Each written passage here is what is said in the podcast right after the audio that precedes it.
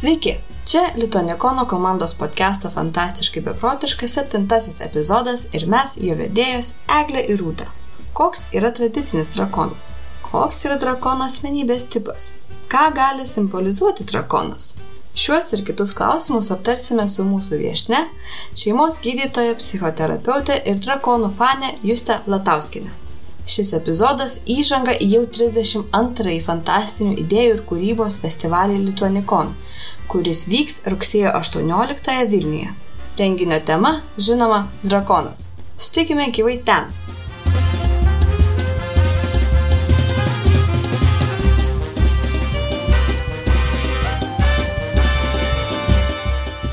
Labą dieną, Juste. Sveiki, sveiki. Uh, jūs esate šeimos gydytoja, tačiau uh, turite uh, psichoterapeutės išsilavinimą, tai kaip jūs tai patraukė? Tiesiog psichoterapeutais tampa, e, nėra tokios atskiros specialybės kaip psichoterapeutas, kad e, psichoterapeutas ruoštųsi nuo nulio. Jais tampa arba praktikuojantis psichologai arba gydytojai, e, gali tapti taip pat ir dvasininkai kai kur. Ir tai yra subspecializacija jau kažkokio gydytojo. Ir e, mano psichoterapijos kryptis yra kognityvinė elgesio psichoterapija, tai yra psichoterapija, kuri vertina psichikos procesus labai glaudžiai kartu su neuromokslais. Joj vakaruose labai dažnai ją pasirenka gydytojai, kurie yra medicinos gydytojai. Lietuvoje kiek ironiška ar unikalu, nežinau, e, truputį priešingai pas mus yra dažniau medicinos gydytojai nueina į tai, ką vakaruose dažniau pasirenka psichologai. Tai pavyzdžiui, psichoanalizė, gestalta, o medicinos, nu, o, o šių sričių į, į ketą. Toks kryžminės dalykas gaunasi. Bet e, aš esu tas, tas psichoterapeutas, kuris vertina, kad smegenis yra organas, ir jis, jis gali, norėdamas labai gerai dirbti, kartais pridirbti. Ir mes tada aiškinamės, kaip, kaip, padėti, kaip padėti savo, kaip padėti klientui padėti savo. Okay. Um, ir šiaip dažnai, nu, dažniausiai iš mano bent jau pažįstamų postinė apie drakonus. Tai man įdomu, kuo, kuo tave žavė asmeniškai drakonai. Ar tiesiog kaip fantastikos dalykas, ar ar kaip kažkoks tai, nežinau, simbolis kažkam? Mm, na, drak drakonai man patinka nuo vaikystės. Būna mergaitėm, kur patinka arkliai ir vienaragiai. Tai čia mano draugės iš vaikystės, jom patikdavo arkliukai. O man kažkaip e, patiko drakonai. E, iš pradžių man patiko dinozaurai, nuo pat vaikystės vaikam dinozaurai labai lengvai pasiekiami, jų labai pilna filmukuose, žaisliukų. Ir tada kažkaip taip nutiko, kad gal kokių 13-14 metų pamačiau drakoną, ne kaip e, pasakos personažą kokį, bet va kaip fantasy, fantasy žanro. Simbolį.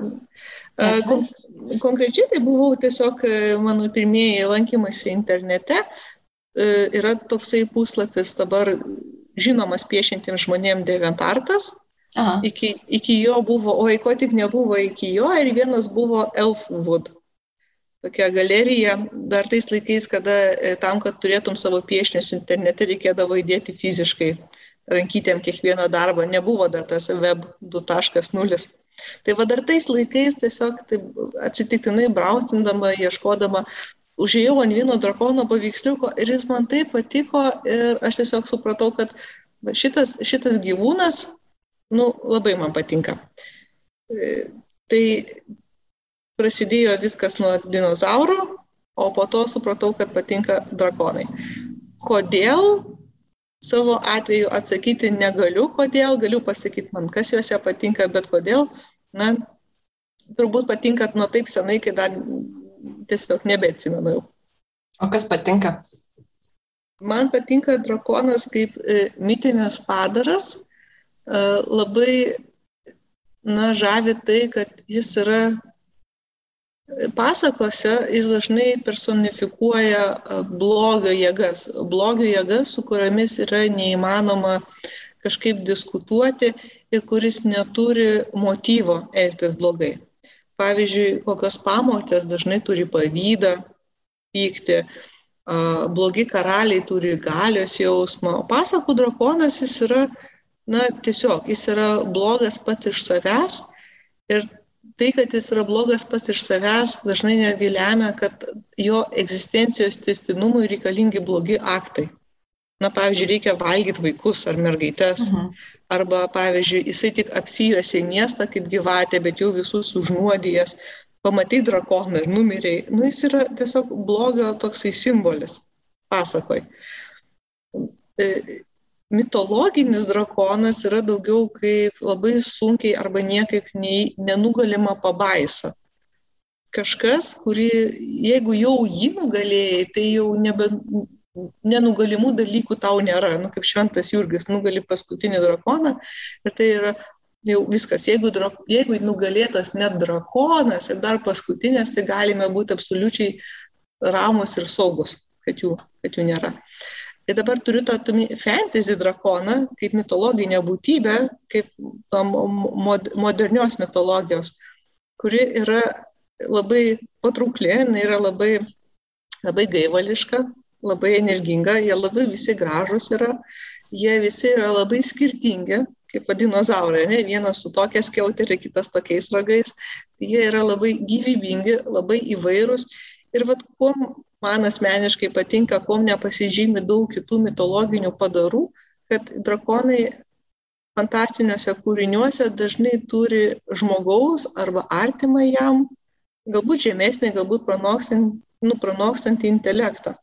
Ir iš to gaunasi labai įdomių tiek drakonų tarpusavio santykių, tiek, tiek drakono su žmonėm, Ir e, nors juokingą pavyzdį pateiksiu, yra toks vaikiškas filmukas My Little Pony, Aha. kur drakoniukas gyvena su tais poniais ir drakonas yra, man atrodo, ten liktai vienas iš priešų, nu, ten toks Aha. chaosų drakonas. Ir aš kai jį pamačiau, e, aš jau, jau jį pamačiau nebe kaip vaikas, bet man taip surezonavo su savo pačios vaikystė, nes kaip minėjau, kai, kai, kai aš buvau mergaitė, tai mano draugiam patikdavo arkliai, jos galėdavo piešti juos, kalbėti apie juos, jodinėti, nuglostyti juos. Aš buvau iš tų mergaičių, kur patinka drakonai, dinozaurai, nu tai vyriausiu atveju gali nupiešti ten jį ar ten gyvatę kokią auginti. Va, ir tada pamatyti tokį filmuką, kurie yra sudėti kartu, tai labai, labai smagu labai, nu taip, yeah, faina. Nes, nes nu, jie, jie gyvena kartu tam pačiam pasaulyje. Magiškai kalbantis arkliai, vienaragiai, pegasai ir drakonai, nu, yra iš, iš tos pačios salos. Aš čia iš tikrųjų tą patį pirmą klausimą uždaviau ne veltui, nes mes su Aglė, kai ruošiamės šiam pokalbiui, pagalvojom, kad apie drakonus galima turbūt kalbėti iš jungiškos perspektyvos, na, ta prasme, kad jungo teorijose egzistuoja universalūs kažkokie archetipai, kalbam apie kolektyvinę pasąmonę ir taip toliau, tie patys drakonai mitologijose, nu yra kiniški drakonai, yra europietiški drakonai, visam pasaulyje yra kažkokie drakonai, žodžiu, pas mus devingalbiai slibinai. Ar tai kažką apskritai reiškia? Na, jūs jau pakalbėjote apie tą tokį drakono mitologijoje kaip kažkokią uh, chaotic evil pavydalą, bet e, nežinau, čia toksai labai e, abstraktus gal klausimas, bet kilo toks. Jo, labai, labai geras klausimas. Jį iš jungiškosios perspektyvos atsakyti negaliu, nes nesu jungistė. Tai galiu tik tiek, kiek, kiek kiti fantastai kalbėti. Galiu kalbėti apie iš, iš savo psichoterapinės pusės, apie eskapizmą, kaip, kaip metodą, kada e, žmonės renkasi fantastiką, fantastinius pasaulius, e, siekdami palengvinti kasdienius rūpešius arba jų išvengti. E, pavyzdžiui, yra, jeigu kalbėti apie drakonus, labai daug drakonų, va tų, va tų modernių, faino drakonų yra išgimdžiusi Rusija, nes jinai apskritai yra fenomenaliai eskapistiška antrofomorfinių padarų gerbėjų bendruomenėje. Jeigu koks vakarietis po darbo apsirenka savo forsutą, ne, ar ten žaidžia kokį rauplainą, kad yra drakoniukas, užsiema, ne, gali skirti savo dalį savo lėšų, kurios gali būti labai įspūdingos, nes apskritai jo atlyginimas yra įspūdingas. Tai jeigu kalbėti apie, pavyzdžiui, va, tą rytų mūsų kaiminę, tai ten žmonės gali skirti visą savo gyvenimą tam. Ir tai nėra, kad tie žmonės sirgtų psichinė lyga kažkokia, ne? Ar lyga. Tiesiog jie yra pasirinkę, kaip ir su anime kultūra, tiesiog jie nu, gazinančiai daug drakonų pripaišo, prirašo apie juos, prikuria žaidimų. Ir va, tai iš eskapistinės pozicijos, iš noro pasitraukti iš šito pasaulio, drakonas gali labai vilioti, nes jis yra labai stiprus. Jis yra stiprus, jis yra saugus, jis yra nepajudinamas padaras. Jis gali vilioti žmonės, pavyzdžiui, nukentėjusios nuo seksualinės prievartos, nuo namų netekimo iš jungiškos pozicijos tikrai negaliu apie drakoną kažko pakomentuoti. Ką galiu kaip drakonų mylėtojas pastebėti, tai galiu pastebėti, kad egzistuoja tam tikri drakonų piešimo ir vaizdavimo tipai, tam tikros e, galvos formos, apskritai anatominiai variantai, kuriuos paišo visam pasauly žmonės, nesvarbu iš kokios kultūros jie būtų, o kaip vaikai pradeda piešti kokius baubus ar žmonės, kaip žmonės, kurie pradeda piešti drakonus. Ir e, patys drakonų piešėjai, kai lygina savo piešinius, negali atrasti priežu, nu, paaiškinimo, kodėl taip yra. Nes vienas dalykas galbūt būtų paaiškinimas, jeigu bandytų visi piešti pagal kažką.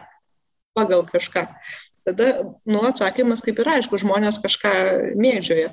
Bet kai labai daug būna drakonai mylėtojų, jie pradeda piešti kažkokius padarus, o kaip man patiko dinozaurai, aš sužinojau, kad tai yra drakonas, po to, kas man patinka ir yra dar tikslesnis tas man patinkantis padaras. Taip, žmonės, kurie būna pradeda kažką piešti, visi vadina, ką čia paaiškiai kažkokius aligatorius ar kažkokius baubus, tada, pavyzdžiui, randa kitą arba randa internetą ir sulygina, kad jie piešia ne tai, kad panašų padarą, bet tų pačių proporcijų, tų pačių kūno dalių, kartais nejaukiai panašius. Tai kas va čia yra per padaras, čia va, man būtų smagu, galėčiau Jungo paklausti apie tą kolektyvinę pasąmonę, ar tai, yra, ar tai yra kažkoks lūkestis, kad toks gyvūnas evoliuciškai turėtų egzistuoti, na, mes tiesiog norim, kad jis būtų. Kaip evoliucija nesikė yra sukūrusi, pavyzdžiui, voro formą ar krabo formą, tai galbūt žmogaus sąmonė turėtų lūkesti, kad toks gyvūnas kaip drakonas irgi turėtų būti. Ar, ar visgi yra tikrai ta, tas kolektyvinis protas ir tas drakonas bent jau suvokimo lygyje pas mus gyvena kažkur. E, turbūt iš va, va šitų va, drakonų piešėjų ir vaizduotojų, tai irgi kaip rytų kaiminė Rusija mūsų gali sukurti labai daug, tai aš kiek pastebėjau, jau drakoniškiausius drakonus pasaulyje paišo čekai ir lenkai. Jau čekai, aš tai nežinau kodėl, bet jeigu tik pamatai labai gerą drakoną, tai jis bus iš Čekijos. Jeigu pamatai labai gerą drakoną ne iš Čekijos, gali klausti žmogaus, gal tavo giminės yra iš Čekijos. Ne, ne, ne, ne. Paskui padaro kokį genetinį testą ir akurat. Tai vat, jeigu aš būčiau ksenobiologas, turbūt drakonų eičiau ieškoti Čekiją. Kaip įdomu. Bet o kaip, nu, ta prasme, vaikas pradeda piešti kažkokį tai monstrą, kuris vėliau paaiškėja besas drakonas. Aš taip suprantu. Taip. Taip. Dabar pasakai, ar ne? Tai įdomu, kodėl, uh, kodėl galbūt yra kažkokios tai uh, kūno dalis, kažkokie tai bruožai gyvūnų, kuriuos žmogus labai grėsmingais laiko ir tuos visus sudeda į vieną ir gaunasi drakonas. Ar taip gali būti? At nežinau, ar, ar laikytų grėsmingai, nes iš savo draugų, kurie džiaugiasi drakonais, Čia toks dalykas, kad gali rasti draugų vien dėl to, kad tau patinka drakonai. Tai e, niekas nepradėjo piešti drakono, kad jo bijotų. Ar, ar sakytų, o čia kaip baisu. Vyraujantis drakonų piešimo dalykas yra kad, pavyzdžiui, jaučia žmogus lėtinį skausmą vaikas ir jis paaišo, jam geriau, arba jam liūna, paišo, ar jam tiesiog labai labai patinka, nu čia tos geras dalykas, nu kaip čia nenupiešiu. Su, su drakonų paišytojais, va ką galiu pasakyti, kad nebūna taip, kad pieštų drakonus tam, kad vat, gražiai kažką nupieštų iš vaikystės. Nebūna tam, kad vat, patiktų, nebūna tam, kad pripažintų. Mm, labai yra, yra mm, fūri bendruomenė, tai žmonės paišo antropomorfinius, nu fūrius.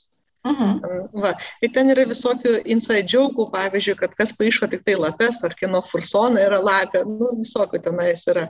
Yra, kas, pavyzdžiui, bando su paukščiais daryti tokią X-failų zoną, kur su vabžiais atskirai sub, subkultūra fūrių yra. Nu, va, ir yra, ir yra, kas paaiško drakonus ir jie tokie visada tokie ramus nuo tos dramos būna. E, fenomenaliausias dalykas, kurį mačiau iš fūrių bendruomenės su drakonais buvo, tai buvo žmogus, kuris nuomodavo savo būstą tik tai fūriam. Ir vieną dieną nusprendė, kad e, šitą nuomosi tai tiem, kieno fursonas yra drakonai, nes su jais galima labai lengvai išsiaiškinti, už ką turi mokėti ir neturi mokėti. Nu, toks, toks kažkoks kaip zodijako ženklas kitiem. O vyraujantis, e, vyraujantis dalykai, turbūt ką piešia, kas, kas, kas yra, tai žinoma yra uh, ilgas kaklas, ilga uodega, ant uodegos turi būti spigliai ir plunksnos, uh, visada būna sparnai, sparnų negi gali būti daugiau negu viena pora, jau kokie nu, nusipiešė, tokie nusipiešė, visada yra nagai, visada yra uh, užpakalinės galūnės, kurios yra ganėtinai tvirtos, nėra, kad pieštų tik tai priekiniam galūnėm, kažkaip užpakalinės visada būna. Priekinės beveik visada būna galinčios čiuopti dalykus, opposable thumbs, labai, mhm. labai dažnas dalykas. Ir turbūt pats pats tiksliausias tai yra snukio forma, tokia yra piešiama, e, išdėstymas. Kiek kol kas skaičiau visokių teorijų, tai viena yra, kad tai yra perpieštas vaikystėje matytas šuo, kaip atrodo visai mažam vaikui. Va, e, čia tos teorijos šalininkai yra tie patys, kurie aiškina, kad ateiviai, nu, ateivių tie pilkiai žmogeliukai, tai yra kaip kūdikis mato, kol dar yra jam nesubrendę regėjimo centrai, nesubrendę, nu, rega neišsivyšėsi pilnai, kaip jis mato suaugusio veidą. Tai yra, kad vis, viskas yra labai šviesu, viskas labai šalta, jeigu jį žiūri, kažką su juo daro, jis nieko pas negali padaryti. Iš jo pasilenkia tos galvos, kurios yra didelės juodos akis, mažos burnytės. Va, ir viskas taip pilka ir iš viskas čia vyksta. Tai, nu, tokios mintis yra, kad gal tie drakonai, tai tie yra mūsų labai anksti pamatyti gyvūnai, kurios, kol dar nežinojai, kad gyvūnas apskritai yra kaip padaras, tai kažkaip, kažkaip sąmonė pabandė paaiškinti. Bet ne visi pradeda piešti tos drakonus. Nu, ateivius irgi ne visi grobia. Hmm. Tiesa. O įdomu, ar, ar, ar gali, nu, pati užsiminė apie, apie kažkokias e, traumas ir žmonės, kurie yra vaikystėje patyrę traumą, pradeda piešti drakonus kartais. Galbūt, galbūt kartais e, drakonai padeda, nu, sukurti kažkokį tai stiprybės jausmą, nupiešti tokį galingą drakoną. Oi, tik labai nenoriu e, paskatinti bandymų žmonių diagnozuoti pagal tai, ką jie piešia. Taip, taip, ne, ne, ne. ne. Jokių būdų ne. E, e, turiu menyje, kad taip, įsigalinimas per meną, įsigalinimas, meno terapija yra tikri dalykai, ir um, žmogus gali, nukentėjęs nuo tam tikrų dalykų, rinktis vieną vaizdavimo objektą ar simbolį labiau negu kitą. Nu, apskritai.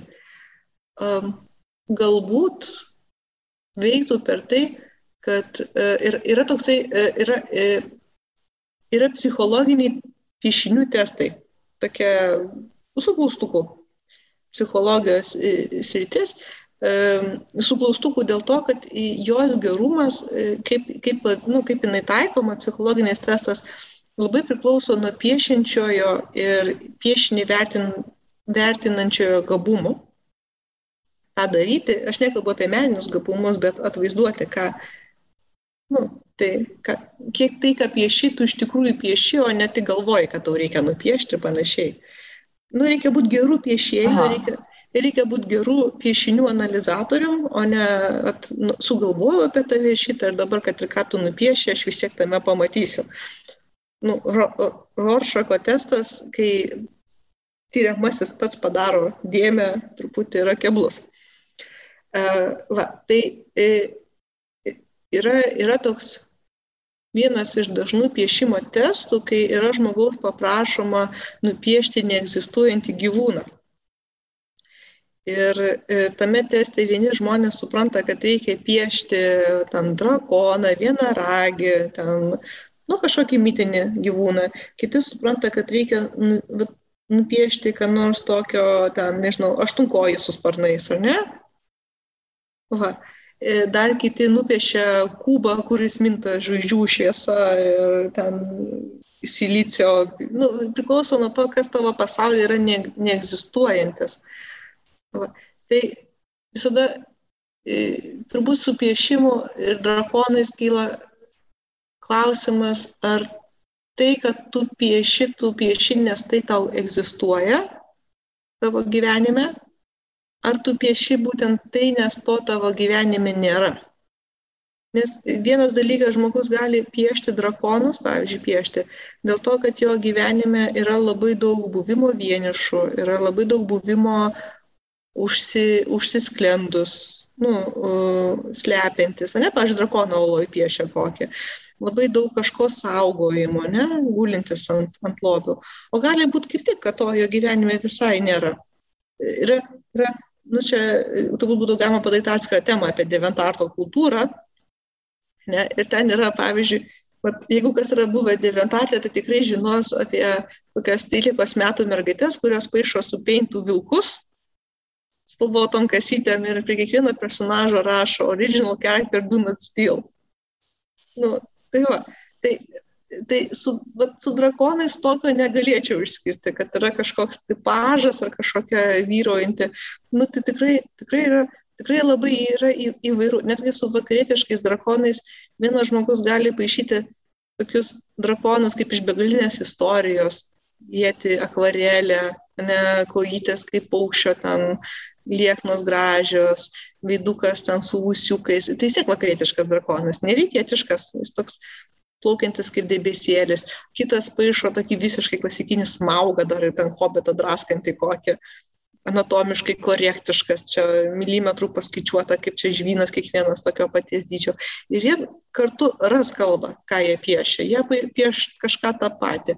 Bet vat, turėsim įsijungs trečias, ne, kuris piešia jį vieną kažkaip panašiai.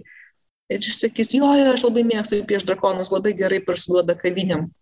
Nu, šitos mhm. uh, freskos. Ir, ir, ir jis su juo kalbos neras, nors ras su kavinės lankytoju, kuris sakys, jo, eina iš tą kavinę, ten drakonas nupieštas. Tai tikrai nereikia diagnozuoti žmonių pagal tai, ką jie piešia, bet jeigu patinka kažkoks piešinys, net jeigu pats nemoki to piešti, bet patinka, tai tikimybė, manau, kad su autorium ras bendrą kalbą yra didesnė negu abu moka piešti, bet vienam patinka tai piešti, o kitas sako, jo, jo, jo, čia, čia gerai prasiduoda. Aš čia, aha, aš gal įsiterpsiu, čia neklausimas, bet uh, paminėjot begalinės istorijos drakoną ir čia prieš iš tikrųjų kelias savaitės tarp Lituanikono organizatorių buvo kilus diskusija, mes ten turim savo tokį uh, pokalbį ir persimetėm keliais drakonų paveiksliukais, žodžiu, ir tas e, bent jau filme, e, užkrito vardas dabar drakono, e, bet, žodžiu, bent jau filme jisai padarytas gana panašus į šunį.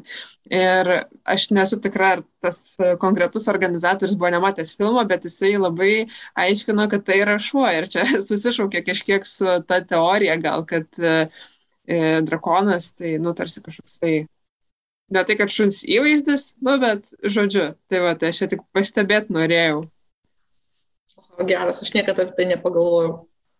Uh, knygoje, tai man atrodo, ten buvo liūto galva. jeigu neklystu. O begalinės istorijos drakonas, kurio vardo aš irgi neatsimenu, yra, yra to gerojo drakono pavyzdys labai, labai, labai geras. E, manau, kad e, ten yra drakonas, kuris labai įkūnė tai, dėl ko drakonai daugam patinka, nes kaip yra tas tradicinės pasakos drakonas įkūnijantis viską, kas yra blogai, ta prasme, jis, jis pats nuodyja, jis pats suėda, kuris eina, ateina nesėkmė. Tai begalinės, be, begalinės istorijos drakonas yra baltas drakoniukas. Jis, kur ateina ten gerai, jis atneša laimę, jis pagydo, jisai, jis tave skraidina, jis tave neša. Ir Aš tą knygą vertinu, kad tai yra puikia knyga, labai, kas neskaitėt, labai rekomenduoju paskaityti. Mano kaip terapeuto, galiu pasakyti, ne kaip drakonų mylėtojo nuomonė, tai yra knyga apie natūralią paauglysės depresinę reakciją ir sveikimą iš jos. Jis dviguba yra. Yra viena dalis apie susirgymą, sirgymo eigą, o kita yra apie pasveikimą. Ir ta nebūtis, kuri ateina tokia, nu, tiesiog niekis tas yra. Va, ir tas drakonas simbolizuoja tą tokį vaikišką, paslaptingą, tampantį vėliau suaugusio žmogaus džiaugsmą gyvenimo, kurio reikia tiesiog pasi, pasikliauti. Būna žmonės kartais labai nustemba, kad tai, pažiūrėjau, daug žmonių vaikystėje moka džiaugtis ir krikštauti, tiesiog, nu, nuoširdžiai džiaugtis kaip patys sako. O vėliau tas dinksta paauglystai. Ir vėliau gyvenime tas vėl atsiranda, bet ne visiems. Ir daliai neatsiranda dėl to, kad jie kažkas yra atsitikę, o daliai neatsiranda dėl to, kokiais būdais tas vėl sugrįžta. Jam gali būti tai nepriimtinas tas krikštavimas, tas džiaugsmas. Tai šita knyga labai, labai yra gera per tai. Jis yra be trigerių ir jinai tokia suteikianti vilties. Tas Kai buvau vaikas, aš to drakono pakęs negalėjau. Kai užaugau, tai supratau, kodėl pakęs negalėjau. Nes jis tiesiog yra apie tai, kad vaikystė baigėsi, bet nieko tokio. O kai esi vaikas, tai, nu, ne, nu, norisi, kad nesibaigtų, ne, kaip Piterio peno pasaulyje, kad gerai būtum, žinai, vaikų būtų, ne? Kai supranti, kai užaugi, supranti, kaip tai būtų baisu iš tikrųjų. Aš kaip tik labai norėjau užaugti, kai buvau vaikas. Na gerai. Rūta, ar mokė krikštuot? Ar krikštoji? Aš, pavyzdžiui, krikštoju kartais. Gal, bet mm, klausytojams gal kitą kartą. tai mes turėjom su Rūta teoriją, kad drakonas gali būti trauma. Ar gali būti? Nu, prasme, kad drakonas gali uh, pasakojimuose simbolizuoti traumą kažkokią patirtą arba kurią reikia įveikti. Manau, kad vėlgi čia jums reikėjo jungistą susirasti, pakalbinti. tai aš dabar kalbėsiu kaip ne terapeutas, o kaip drakonų gerbėjas, gerai? Taip, Atsiribo, gerai. Atsiriboju, atsiriboju nuo šios akimirkos, nuo savo profesijos, kalbėsiu kaip drakonų mylėtojas. Tai manau, kad tikrai gali ir manau, kad būtent dėl to drakonai gali pasakojimuose pasiversti žmonės Ir dėl to yra pasakojimo apie drakonų širdies suvalgymą arba keistų santykių su drakonais. Nes na, jeigu galvot, kas yra trauma, kas ats... trauma yra kažkas, kas mūsų gyvenime atsitiko, bet mes per tai iš to neišėjom. Tai mūsų žalojo, ta žaizda neužgyja arba tas dalykas toliau tęsiasi.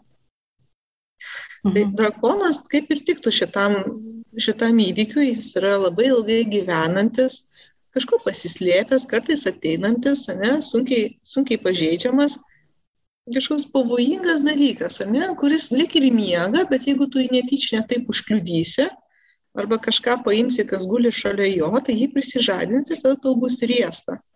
Iš vienos pusės. Iš kitos pusės drakonas yra kažkas, kas yra labai galingo, kas turi labai didelį potencialą, ne? kažkokių lobių prikaupęs, kažką moka. Jeigu tu prie jo prieisi reikiamų būdų, jeigu tu kažkaip su juo susitarsi, net nebūtinai nugalėsi, nu, jeigu nugalėsi, tai aišku, viską turėsi, ką jis ten turėjo, tai jis bus tavo pusiai. Bet tas, tas mitologinis drakono pasivertimas žmogų, nu, jis toks, man, man kaip drakonų mylėtų yra kitoks negu, pavyzdžiui, velnio pasivertimas žmogų ar fėjų atrodymas kaip žmonėm. Drakonai dažnai niekaip neišsiduoda, kad jie yra, nu, drakonai, kai jie yra pasivertęs žmonės. Drakonas išsiduoda, kad jis gali žmogų pasiversti. Va, o žmogus drakonas jau kai yra žmogui, tai neturi, nei neturi skanopų kokių, kur priminsi, nei ten kokią ten druskos užbersi atsivers. Jis, jis toks pasakojime yra, jis sėkmingas imitavime. Sekasi, kompetitingas būti žmogum. Dra, drakonas, bet žmogus nelabai kompetitingas būti drakonu. Na taip. Va. Tai, nu, trauma taip nelabai veikia, kad jinai taip mane traumavo ir dabar man patinka drakonai, ar, ar ten užsimsiu drakonais. Gali būti tokių traumų, žinoma, gyvenime, bet Vat, gali, gali būti, pavyzdžiui, kad yra neneurotipiškas žmogus ir jam kažkas labai patinka, tada jam gali patikti drakonai, pavyzdžiui. Taip, specialusis interesas gali būti dinozaurai, drakonai, dar kas nors, bet nu, iki traumos tam žmogui labai toli, gal netgi kaip tik tai saugo nuo traumavimo, jeigu turi interesų.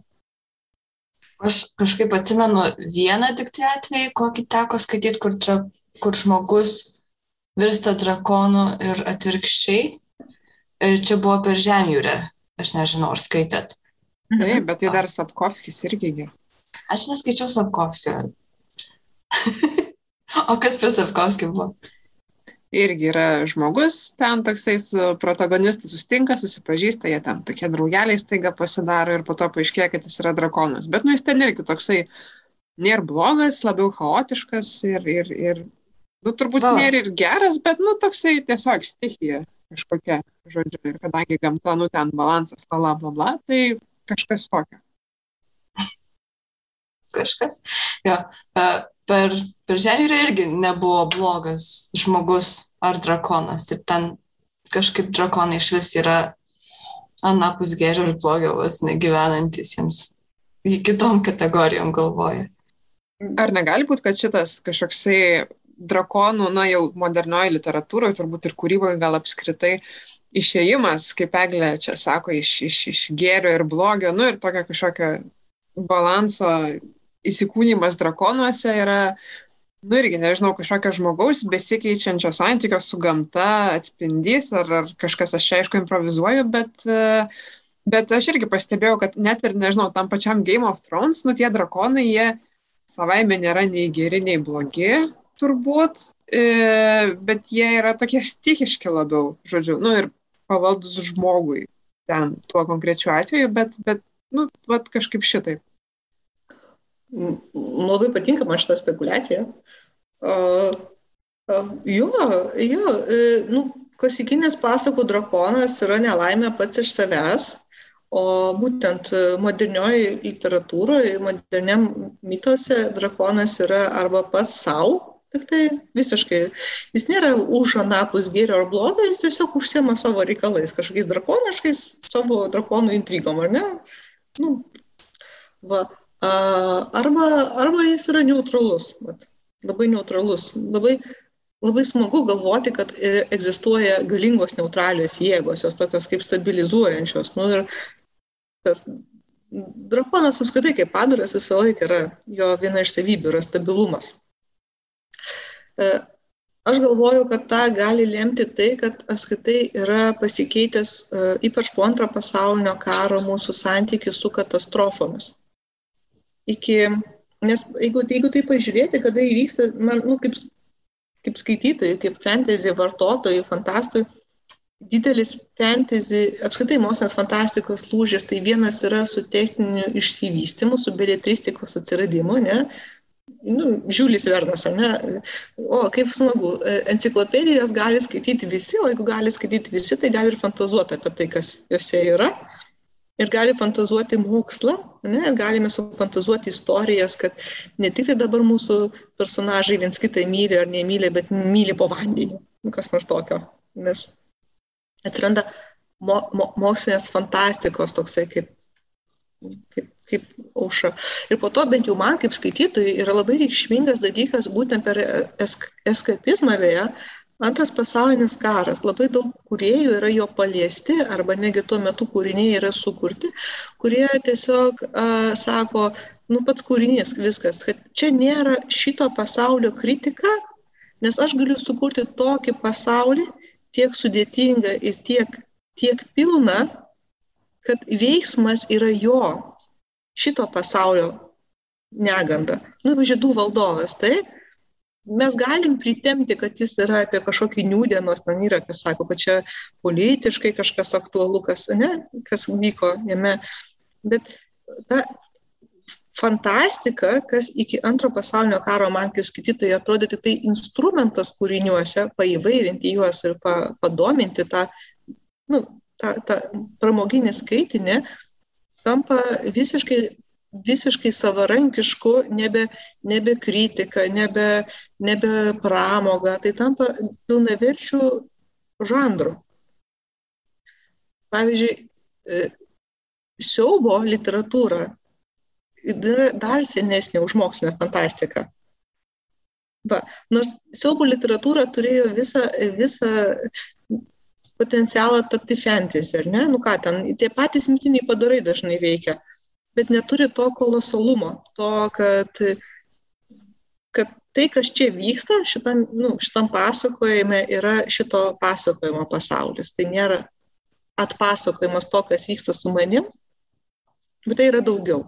Tai yra, tai yra kažkas kitas. Skaitytojas, jeigu nori, gali skaityti ir pabūtame pasaulyje, kurį parašiai, ar, skaitai kartu su juo, bet tai nėra, kad dar geriau pažintų savo pasaulyje. Na, nebent jeigu palsėsi, tada ar kažką išmoks grįžti ir elgsis geriau.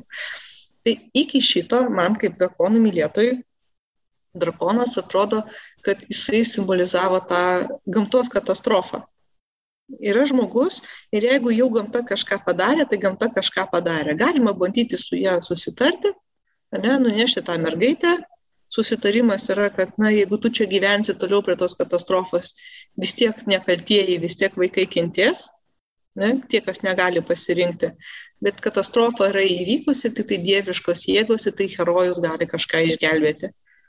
Bet po antro pasaulinio karo, atrodo, įvyksta toks lūžis, kai katastrofa persikelia, kad už, už gamtą yra baisiau žmogus. Kad žmonės gali būti daug baisesni. Ir, ir tada iš vienos pusės atrodo kūriniuose atsiranda kažkokios sąmoningos blogio jėgos su savo motyvais, kurios kažko nori, gali atkurti, turėti ar kažkam atkeršyti, o iš kitos pusės tos iki tol buvusios baidyklės, kurios yra tam, nu tiesiog, nu jis tiesiog blogas, nu ir ką, apeisim ir tiek, nu jis tiesiog blogas, nu ir ką, tai gal jis alkanas, duosi maisto ir tiek. Tai tas drakonas, kuris buvo nenugalima jėga, paaiškėja, kad viskas jau nugalima, jeigu mes visi kartu jį ten pastumsim, o ne nuo jo bėgsim, tai ir nusistums tas driežas. Tai, tai manau, kad, manau, tai yra susijęs su katastrofų su, suvokimu, kai katastrofa iš visus paliečiančios nelaimės, prieš kurią visi turi, nu, yra bejėgi, nebent susivienyje tik tai iškentėjime, tampa kažkuom, ką tokia, nu, katastrofa, nes niekas nepagalvoja apie tai paskaičiuoti draudimo va tokio lygio. Nu, drakonas, manau, tą, tą simbolizuoja. Toliau gali būti toks pat blogas, toliau ėsti vaikus, toliau, nežinau, viską nuodyti, bet, nu, įstatymas to nedraudžia, nu, tai jis ir gyvena dabar. Šitą man labai priminė šitą knygą, apie kurios vis grįžtų. Ačiū Guards, Guards. Šiuo gal trečią kartą ją skaitau ir nežinau kodėl, bet jo, ten irgi drakonas jis yra toks pusiau viduramžiškas, e, kur nori, nori valgyti nekaltas mergelės ir ten e, daryti blogus dalykus ir iš esmės jis elgesi lyg viduramžiškas drakonas, bet jisai anaip tol toks nėra ir žmonės, kurie lygtai gyvena viduramžiškame mieste, irgi nėra viduramžiški ir iš to nuostabi komedija gaunasi nes jie reaguoja į šitą viduramžišką reikalą kaip modernų žmonės. Ir, nu, žodžiu, aš nenoriu spoilinti knygos, bet labai rekomenduoju ir ką jūs te pasakote, tai labai atsiskleidžia gerai. Tai jeigu yra, tarkim, kažkokia tai trauma, e, kurią žmogus patiria ir kuri gali būti palyginta su drakoniška trauma, kaip, kaip mes kažkaip kalbėjom. Kaip tau atrodo, jūs, kaip tada geriausia su tą traumą tvarkytis, e, nu, irgi palyginus su tuo, kas aprašoma fantastiniai literatūroje? Ar reikia eiti į galabit su kardu, ar, ar geriau kažkaip pergudrauti, ar bandys sutarti? Hmm. Turbūt tada reikėtų eiti ją nugalabyti. Ir, grįžtant prie traumos, Tai taip, yra tokia traumas, rūšis, kurioje žmogus lieka, jeigu kalbėtų, pavyzdžiui, apie potrauminį streso sutrikimą, jam yra būdinga tai, kad e, žmogaus psichikoje lieka aktyvūs procesai, dėl kurių jisai jaučiasi visą laiką esantis tame traumuojančiam įvykyje, arba jie yra taip lengvai pažiai, nu, pasiekiami, kad bet kas, kas primena juos, sugražina jį. Na, pavyzdys, žmogus e, patyrė auto įvykį ir dabar kiekvieną kartą, kai išgirsta mašinos pyptelėjimą, nes tuo metu, pavyzdžiui, pypino, jam atrodo, kad jis tuoj mirs ir jis dengiasi akis ir gūžiasi. Jis, tai yra aktyvus atsiminimas, jisai niekur nedingęs, jis vis dar dalim savo sąmonės yra tenais. To įvykio nebėra, bet jeigu kažkas jį sutrigerina, jisai ten grįžta. Tai e, tokios traumos yra labai pavojingos, e, tokios ir sudėtingesnės iš to, kad vienas dalykas, nu žmogus gyvena pusę galvos, ne? E, pavojingos iš to, kad vis tiek tas stresas nuolat kartojasi ir sardina, elementarus stresas. Na ir tai gali būti pavojinga net aplinkiniam, jeigu, pavyzdžiui, man liko patrauminis dėl to, kad mane kažkas užpuolė ir aš gyniausi, tai mane kažkas vos truputį pakabina, panašiai aš ginuosi ne taip, kaip mane ten nežinau, autobuse užkabino netyčia, bet aš puolu mušti to žmogų. Taip, nu, aš, aš ginu savo gyvybę, o ne, o ne tai, kad man ten brūštelėjo. Tai yra, yra iš šitų traumų e, tokia būklė, kada e, žmogus jaučiasi bejėgis apsiginti. Tai yra įpuolė ir jisai e, perėjo arti mirtinai būkliai, bet jis išgyveno. Dabar jisai gyvena toliau, nei gyvas, nei miręs, bet jis tiesiog, jo kūnas, jo pagumburis, čia dalyvaujantį tame sistema, laukia mirties. Nu. -huh. Jo, tiesiog e, gali, pavyzdžiui, dingti menstruacijos, gali sutrikti visiškai svoris, gali visiškai išsiderinti kraujospūdis, cukraus apykaita, nes e, tavo centrinės kompiuteriukas, pavadinkim taip, smegenyse, kuris reguliuoja tavo kūno veiklą, nu, sako, nu tai kada, kada, kada bus tas turnof? Va. Ir dabar šitas traumos, jos kartais išsisprendžia savaime, kai kažkas atsitinka žmogui, kad jis vos nemiršta, bet išgyvena, tokie žmonės gali būti linkę atkurti gyvybei pavojingas situacijas, gali, nu, taip žiūri ir nesupranti, kodėl šitas žmogus nuolat bando numirti. Nu, kodėl? Aha. Kodėl? Jisai, jis desperatiškai bando išeiti iš to, jis pats gali nesuprasti, jisai tiesiog nori pajusti iš, išgyvenimą. Ir gydymas atrodo labai baisus. Sakai, gerai, palies tą dugną, kur jau nėra nuo ko atsispirti ir atsispirsi, ar ne? Nu, o kol visi įtraukia, gelbėja, ne, gelbėja tai kaip nemirštant į jį, nu, asmenį, uh, pavojinga, nes jam gali pavykti, ypač jeigu jis yra kompetitingas tame, ką nedaro, jeigu turi kažkokių gabumų veiklai apskritai. O iš kitos pusės galima leisti žmogui apsiginti. Ir e, kartais labai suveikia terapijai, e, pavyzdžiui, ypač kurie vaikystė yra nukentėję, kai jie užtenka vieno karto, kai jie tokioj situacijoje arba artimo jai apsigina jie pamato arba apsiginti jie gali, arba jie pamato, kad viskas yra gerai, tai pasibaigė, jie patys save toliau skriaudžia. Pavyzdžiui, kartais būna žmonės sukrečia, tarkim, jie pamatė, kad kažkas nusižudė ir jie supranta, kodėl tas žmogus nusižudė, nu, ir supranta, kad, ah, taigi jis buvo kaip aš, jis, jis, jis pats tą padarė. Jis pats, jeigu aš to nepadarysiu, tai man tas neatsitiks, o jeigu man tas neatsitiks, tai reiškia, kad aš nemirsiu, jeigu aš nenusižudysiu. mhm. sukrečiantis suvokimas, gali su lyga kažkokia išgyventa, nu, vad kažkas, nu, bet, bet kartais čia netgi toks yra pokštas, kad jeigu tave, tavęs vos nenužudė ir tu niekaip iš to nepagyji, tai reikia grįžti ir nužudyti savo žudiką. Nesakau, kad reikia jį nužudyti, nesakau, bet e, atkurti savo, nu, savo galę, vėl įsigalinti, kad tu gali tą padaryti. Čia būna, kodėl kartais žmonėms yra sunku suprasti, kodėl kai kas, man, pavyzdžiui, buvo įvykis prieš 20 metų ir kažkas ieško teisingumo, ne? Turi būti nubaustas tas, kas mane mhm. nuskriaudė prieš 20 metų. Ten visiems net atrodo juokinga ta, nu, kodėl. Ir tas žmogus visiems nustebina, jis nekirštingas visai, jis kaip tik labai geras, jis nemusės nenuskriaustų, ne? bet jis nori, jis nori nužudyti tą drakoną, kuris tada jį nuskriaudė.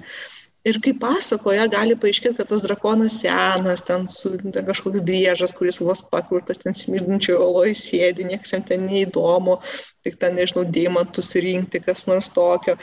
Va, bet, nu, jį tada reikia nužudyti kažkaip, nežinau, ten būna su, su ateina, apspjauna kartais, kartais e, pasirūpina, kad jis ten netektų savo kokios galios finansinės ar ten šeimą prarastų, bet vis tiek, nu, smurtas gimdo smurtą, nebūtinai tame, kad aš tau darysiu tai, ką, ką tu man padarėjai, bet ir per tai, kad tu palikai mane nepabaigtam smurto akte ir jį reikia užbaigti. Ir kadangi aš ne, nemirsiu, aš nužudysiu tave.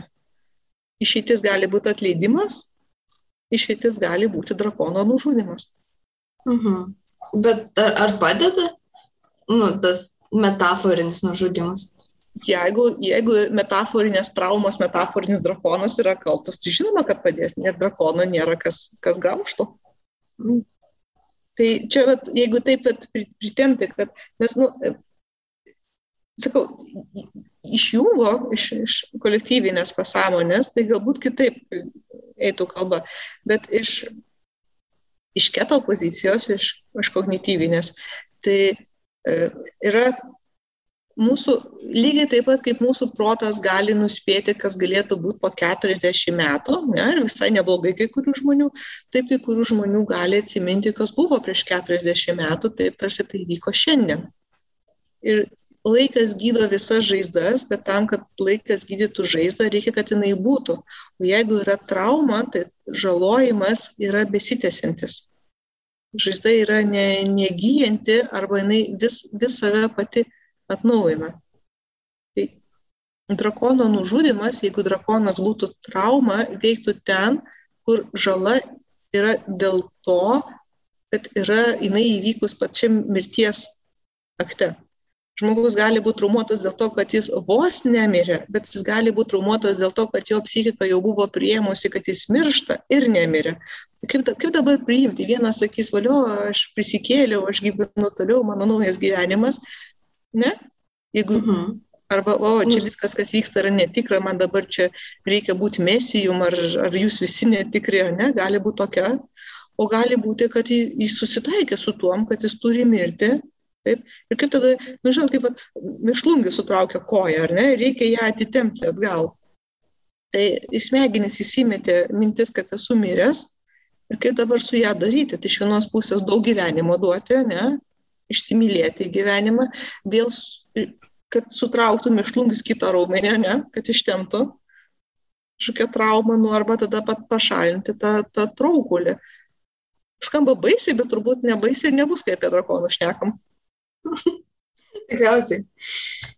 Aha. Tai, žodžiu, reikia eiti tvarkyti savo traumomis, o ne, o ne bandyti jas pergudrauti. Uh, jeigu, jeigu, jeigu tai yra mūsų traumos ir mes bandysim jas pergudrauti, tai kadangi drakonas gali pasiversti žmogų ir tą daro labai sėkmingai, tai pergudravę savo traumos drakoną mes pergudrausim save pačius ir galų gale liksime pergudrauti mes patys. Uh mhm. -huh. Čia kaip oroboras. Gerai. jo. Galvoji, kad kažką valgai, bet realiai savo uodegą grauži. A, jo. Mes dar turėjom tokį truputėlį lengvesnį klausimą ir gal susijusi kažkiek e, su, su, su, nu, su drakonais, taip, bet žodžiu, e, koks būtų tradicinio drakono e, asmenybės tipas pagal tą vadinamąjį Meirs Briggs, na, ne horoskopą, bet kaip čia, tipų kategorizacija. Čia tiems klausytojams, kurie gal nežino šių dviejų pavardžių šių susidedančio burtažodžio, tai čia tie tipai iš keturių raidžių, kur ten e, e, n, nu ir, ir, ir taip toliau. Aš čia dabar nenoriu pri, priskėsti ir įtraukti raidžių, kurių nėra, bet e, žodžiu. Aha. Ojei. Tradicinis. Nu, tikriausiai manau, kad būtų į, mm, į NTP mes turėtumėm tikrai turėti intravertą, ne, kad jis galėtų pasislėpti, turėtumėm tokį, kuris remiasi savo intuiciją, pas jį galima ateiti išminties, bet ne analizės apie tai, kaip dalykai vyksta. Turėtumėm turėti mažai jautrų, nu, jisai ne žineliais apaugęs toksai, ne, tai jam ten neįskaudinsi tą drakoną lengvai, jisai pas save įsiskaudinęs jau iki. Ir e, tikrai neturėtumėm jo m, šitą m, teisuoliško, tai nėra būtybė, į kurią kaip pas Sfinksą gali ateiti mislių ar pas vienaragį, kuris, jeigu tu dora mergaitę paglostysi, o jeigu ten išdykusi, tai nusmeigsiu. E, ne, jisai toksai gali užduoti myslę, bet tai todėl, kad jam linksma ir nėra ką veikti. Tai uh, turim tikrai, tikrai drakonas būtų į NTP, toks fainas bičias, kai su juo susidraugauja ir labai, labai geras draugas bet jeigu tu su juo nesusidraugavai, tai, e, tai jis greičiausiai paliks tave ramybėje, nebent tu tikrai kūsinsi ir jau kai užkūsinsi, tai vargas tau vargelis, jeigu žinojai, kad ten drakonas, nu kodėl tu ten įėjai, nu ko tu daugiau tikėjai. Skamba panašu į ties teisybę. Uh, o koks tavo pačios yra pats mėgstamiausias drakonas iš fantastikos? O, hmm. niekada, niekada apie tai negalvojau. O kas pirmiausia šovė į galvą, kuris rūko? Mm, ką, tiesą sakant, turbūt, turbūt nelabai ne kas ir šauna. Jų tiek daug visokių, čia kaip kas tavo mėgstamiausias šuo, ne? tai sakytų, mano šuo mano mėgstamiausias, nes jis mano. Va, um, hmm. Uh, man turbūt labiausiai tai patinka toks ne, netipiškas drakonas, uh, tai yra, e, man patinka e, pasaulio gyvatės, nes drakonus dar mhm. galima, e, nu, ten, vat, kaip ten visokie slibinai, ten vyvernai, oroborai, ten visokie. Tai yra e, toks klaustukinis drakonas, tai tikrai drakonas, gal čia tik prišlėto apie drakonų, tai yra pasaulio gyvatės. Tai pasaulio gyvatės yra tokie mitologiniai padarai, kaip pasaulio drambliai yra pasaulio vėžliai, ant kurių kažkas reikšmingo stovi. Va, ir e, gyvatė labai pavojingas dalykas ant jo būti, nes jinai rangosi, pirmas dalykas, o antras dalykas, jinai išsineria kars nuo karto. Mhm. Tai Va, kas tai, būna pasaulio, kai jinai išsineria? Nu tai nukrenta viskas. Tai e, visos, visos pasaulio gyvatės yra kažkaip per vienai susijusios su apokaliptiniais mitais. Nu, drambliai kažkur neša, vyžliai tiesiog stabilus, o pasaulio gyvatės tai yra dalyvaujančios apokalipsiai. Arba jos kažkodėl graužia pasaulio medžio šaknis, tokie parazitai, arba jie uh, yra naudingi parazitai, tai jie kažką parazituoja. Nu, pavyzdžiui, lokio mite ten lokį ten skriaudžia, ten kas nors tokio. Tai va, va šitas turbūt man labai, labai yra įdomus drakonas iš to, kad jos nu, apskritai tie drakonai, kurie neturi proto, sąmonės tokios, kaip kiti drakonai. Geras klausimas, ar jie neturi todėl, kad neturi, ar dėl to, kad išprotėjo, ar dėl to, kad niekas jų nepaklausė. Nes, nu, ką, ką galėtų pasakyti mūsų visų apokalipsės gyvatė? Kaip čia jinai vertina tai, kas vyksta ir kas nevyksta? Gal, kad tirti nereikia nežinau, man klimato kaita labai sukasi galvoju pastaruoju metu. Aš galvoju, kad gyvatė sakytų, kad jai dirbti nereikia, nereikia nieko graužti. tai nežinau, aš daugiau nesugalvoju klausimų. Tai. Tai dar tada patį patį paskutinį šausiu, gal galėtumėt ką nors parekomenduoti mūsų klausytojams, nežinau, ką skaityti ar ką žiūrėti tokio, e, net nežinau, viena vertus tai gal norintiems susipažinti su, su drakonais ar pamatyti tradiciškiausią drakoną arba kaip tik netradiciškiausią. Žodžiu, ką galėtumėte parekomenduoti? U, e, norint pamatyti tokį tradiciškiausią modernų drakoną, tradiciškiausią, e, tikriausiai yra toks, man atrodo, 94 metų senas filmas Dragonheart. Yra tiesinių, bet ten yra, nu, vat, e, CGI, tai tai atėjo į pasaulį taip normaliau. Ir paimta nu, visiškai absoliučiai tradicinis drakonas, ne, viduramžiai, drakono širdis, drakono širdies valgymo, nevalgymo klausimai, paskutinio drakono žudimo, nežudimo meilės jam klausimai, fantastiškai tradicinis, bet ir modernus, nes drakonas turi savo kažkokią moralę, savo problemas savo gyvenimo, ne, draugavimo su drakonu, va tuo INTP klausimas. Gal filmas šiek tiek pasenė savo efektais, yra, bet labai labai yra labai geras. Um, tai va šitą tikrai rekomenduočiau. Netflix'e dabar neatsimenu serialą, bet yra e, serialas apie drakonų valgymą. Apie drakonų valgymą? Žiauriai keistas, e, ne, negaliu pasakyti dabar toks iš tų modernių 3D anime. Iš pradžių galvojau, e, kaip drakonų mylėtojas, kad bus visiškas š. Nes, nu, gerai valgo tos drakonus. Nu, dabar viskas turi tokį biški Attack on Titan vaibą. Šitą kažkokie kol kolosalūs padarai ir kolosalios ekologinės nelaimės ir žmonijos išsimaitinimo išlikimo dalykai. E, tačiau, tačiau turi labai tokį žavėsi. Ten drakonas yra tas va, labai modernus serialas, labai moderni grafika, tai yra 3D animacija imituojanti 2D anime su visais savo tradiciniais personažais. O drakonas ten yra absoliučiai tradicinis. Tai yra kažkoks padaras, kuris pasipainiojo ne laiku ir ne vietoje. Jis daugiau kaip, kaip e, nu, kaip pasakyti, mm, kaip, e, kaip mobis dikas. Vat, apie Mobis Dikas yra iš tikrųjų pasakojimas apie drakono medžioklę, bet kaip parašyti, kad jis patiktų nu, nu negi dabar rašysi apie drakoną, nu kas čia skaitysi apie drakoną, nu, tai gaudo visi ten ypatingą į banginę, ne, kuris simbolizuoja kovą su, su pasauliu, su savim, savo duotus pažadus ir visiems kam. Tai, tai, va, tai ten toks, va, tie, tie, tie banginiai yra drakonai, it goes for a circle, Jo, ir jie labai skanus, visi jų labai nori, ir jų taukų labai nori, ir ten tie drakonai yra tokie biški sci-fi stiliaus, bet ten yra drakonai. Labai nustebau, ten yra, ten yra tas tradicinis drakonas. Tai yra technologinis, technologinis išsivystymas yra vienintelis dalykas, kuris skiria nuo to, kad tu valgai drakoną, bet ne drakonas tave, bet nėra to modernaus drakono, kad teisinis filosofinis išsivystymas tave skiria nuo jo. Kad tu gali su juo pasikalbėti, nes greičiausiai jisai nekaltas mergelės valgo tik todėl, kad jam nu, paprašė pirmą kartą, toliau prašo nekaltų mergelių, jisai jas valgo, jisai ne, ne kažką su jom veikia, ne?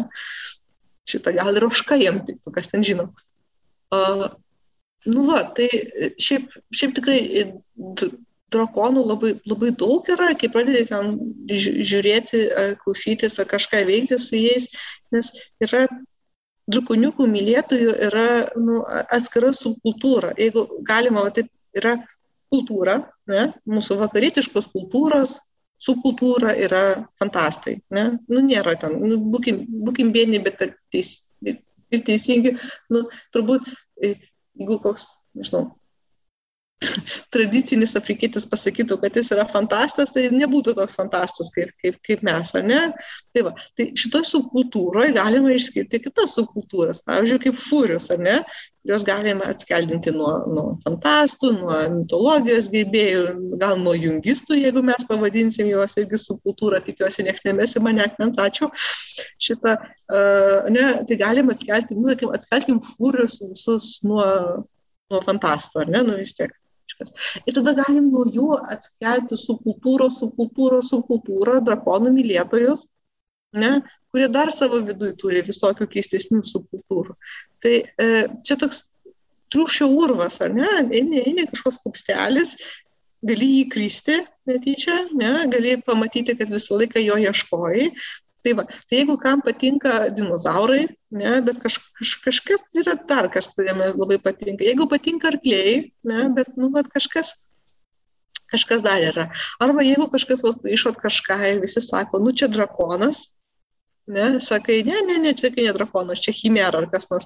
Tai va visus noriu pakviesti leisės giliau į tą triušio urvą, nes tikrai bendruomenė yra didelė, yra labai daug drakonų paišytojų, mylėtojų, visokių gerbėjų, kurie tarpusavyje susišneka labai neblogai.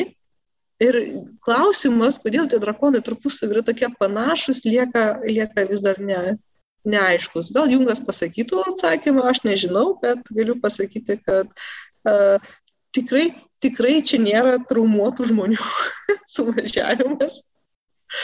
O jeigu kas ir, kas ir, kas ir turi kokią traumą iš drakonų mylėtojų, tai tikrai nesprendžia jo savo drakonų žudimu ar kažkieno, kažkieno kito, kas yra gerai. Moder, mo, modernusis drakonas, man atrodo, mergyčių nebejėda, jisai gal su juom, nežinau, mėliau pašneka ir jam taip pat jų nebereikia, jis gal, nežinau, veganų tapo. Visai, visai, visai, visai jisai irgi, man atrodo, džiaugiasi tuom, kad kad, kad šventas Jurgis kažką kitką veikia.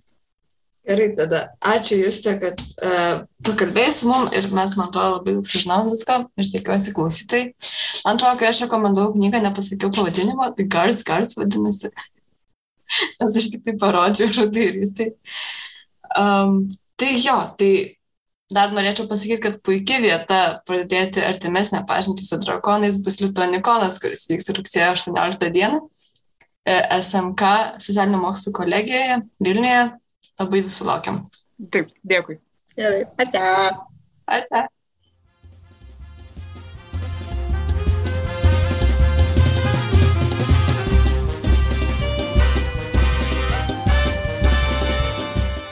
Dėkojame, kad klausėtės šio drakoniško epizodo.